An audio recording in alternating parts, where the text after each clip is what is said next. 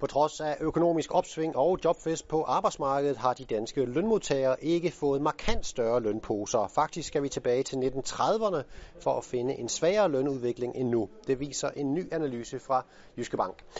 Cheføkonom Niels Rønhold, det er dig, der har kigget dybt i, i lønstatistikkerne, og øh, i din analyse her, Niels, der konstaterer, konstaterer du, at øh, der er tale om et, et historisk sløjt lønopsving. Og hvor gralt slår det, står det til sådan set med, med lønmodtagerøjne? Jamen, man kan sige, at øh, lønstigningen i 2017 var lige omkring 2 procent. Øh, og jeg tror ikke, der var mange sådan, økonomer, der, hvis, de var gået fem år, hvis vi går fem år tilbage, havde regnet med, at øh, nu skulle vi have fem års opsving, og beskæftigelsen skulle stige med over 150.000 personer, og så skulle vi stadigvæk kigge på lønstigninger, der godt nok var steget, men kun til omkring 2%. Det er altså lave lønstigninger i, i historisk perspektiv, og som sagt, vi skal tilbage til, til 30'erne for egentlig at, at finde noget lignende. Øh, det er klart, at de her år lige efter finanskrisen har vi været endnu lavere, men altså går vi før finanskrisen, så skal vi tilbage til 30'erne for at finde noget lavere end nu. Vi har en grafik, der illustrerer det, du taler om her, Niels, netop øh, Ja, det er meget, meget øh, lave lønstigninger. Ja, altså man kan sige, jeg har lige fået den sidste med, ikke 2017, som så røg op på 2,0 procent i, i, i de her tal for Dansk Arbejdsgiverforening. Og som man kan se, ja, vi skal tilbage til 30'erne. Øh, det eneste år, hvor vi sådan kommer tæt på, jamen det er 1993. Jeg tror, det var en lønstigning på 2,4 procent. Det var sådan øh, det første år lige efter kartoffelkuren, som man kan sige, lige på vej ud af en krise. Ikke også? Og der kunne man så se lønnen stige efterfølgende. Men vi hører om et, øh, et, et rødglødende jobmarked øh, og virksomheder, der, der mangler hænder, og så er det jo lidt paradoxalt, at, at man trods alt ikke er i stand til at, at fremtvinge større lønstigninger, end tilfældet er her, Niels. Hvad, hvad er forklaringen på det? Jamen, den primære forklaring er selvfølgelig, at øh, inflationen er, er meget lav også. Og det gør, at, at reallønsudviklingen faktisk egentlig er hederlig, selv med de der relativt øh, små øh, lønstigninger.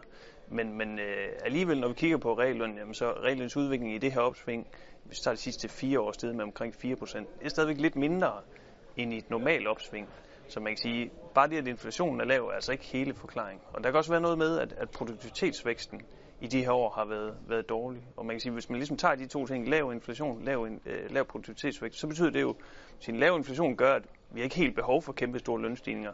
Så som lønmodtager vil man ikke presse på for kæmpe store lønstigninger. Arbejdsgiveren har også svært ved at give dem, fordi de varer, man sælger, stiger ikke så meget i pris.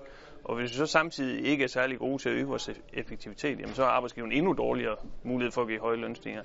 Så man siger, de her to ting, lav inflation og lav produktivitetsvækst, det er med til at forklare, hvorfor øh, lønvæksten er så lav. Og er det den samme tendens, man ser både i det private og offentlige, når vi snakker lave, generelt lave lønstigninger? Ja, det kan man sige. Altså nu er det jo øh, det private som udgangspunkt, der, der ligesom skal være der, hvor løndalsen sker, og så, så det offentlige skal følge efter. Nu har vi lige haft overenskomstforhandlinger der. Men, men de tal, vi kigger øh, på her, er for det private arbejdsmarked, hvor man ligesom kunne sige, at hvis der er mangel på arbejdskraft, så vil det normalt sætte sig i lønnen. Og det er jo det, der er lidt forunderligt i det her tilfælde, at vi har mange virksomheder, der står og, og råber meget kraftigt på, at de mangler arbejdskraft, men vi ser ikke rigtig nogen reaktion på lønnen. Og ja, lav inflation, lav produktivitetsvækst er nogle, gode, nogle af de gode forklaringer på det, men det kan også være, at øh, man som lønmodtager måske er mindre tilbøjelig til at presse på for højere løn i dag, hvor man kan sige, øh, økonomien er bare blevet mere global, og der er en stor risiko for nogen stadigvæk for, at produktionen ligesom bliver flyttet til udlandet. Så det er sådan mere en lommefilosofi, man kan have, at, at der kan godt være lokal mangel på arbejdskraft nogle steder i Danmark, men det er der ikke globalt. Og så kan det godt være, at man sidder som lønmodtager i en, i en virksomhed herhjemme og kan se, at der er ikke mange konkurrenter lige til mit job her. Men hvis man ved, at det er der i Polen eller i Kina, så kan det godt være, at man ikke lige presser på for at få lidt mere i løn. Og det kan være en del forklaring på, øh, på det billede, vi ser. Du konstaterer sådan, at der måske er en faggruppe, der sådan kan, trods alt kan glæde sig over, over mere i lønningsposen, ellers håndværkerne. Ja, man kan sige, det er i hvert fald øh, det er ligesom den faggruppe, hvor man kan sige, at lønnen stiger mest. Og det er egentlig ikke, fordi der heller der er at tale om rigtig høje lønstigninger. Altså, de var dobbelt så høje der øh, under, under opsvinget i nullerne. Men det er trods alt, at det stiger mest nu, og, og man kan sige, det er også der, vi ved, der er størst pres på arbejdsmarkedet, og hvor der er mest mangel på arbejdskraft. Og jeg synes generelt, man skal passe på med at konkludere på de her løntal, at, at der ikke er mangel på arbejdskraft. Det kan der sagtens være, for som sagt, der er gode forklaringer på, at, at, øh, at lønudviklingen øh, er så svag, som den er. Man kan sige, I det hele taget har vi svært ved at vurdere, hvor stor er manglen på arbejdskraft. Ledigheden er egentlig ikke voldsomt lav, men det kan sagtens være, at, at de ledige, der er tilbage, måske ikke rigtig uddannelsesmæssigt passer på arbejdsmarkedet.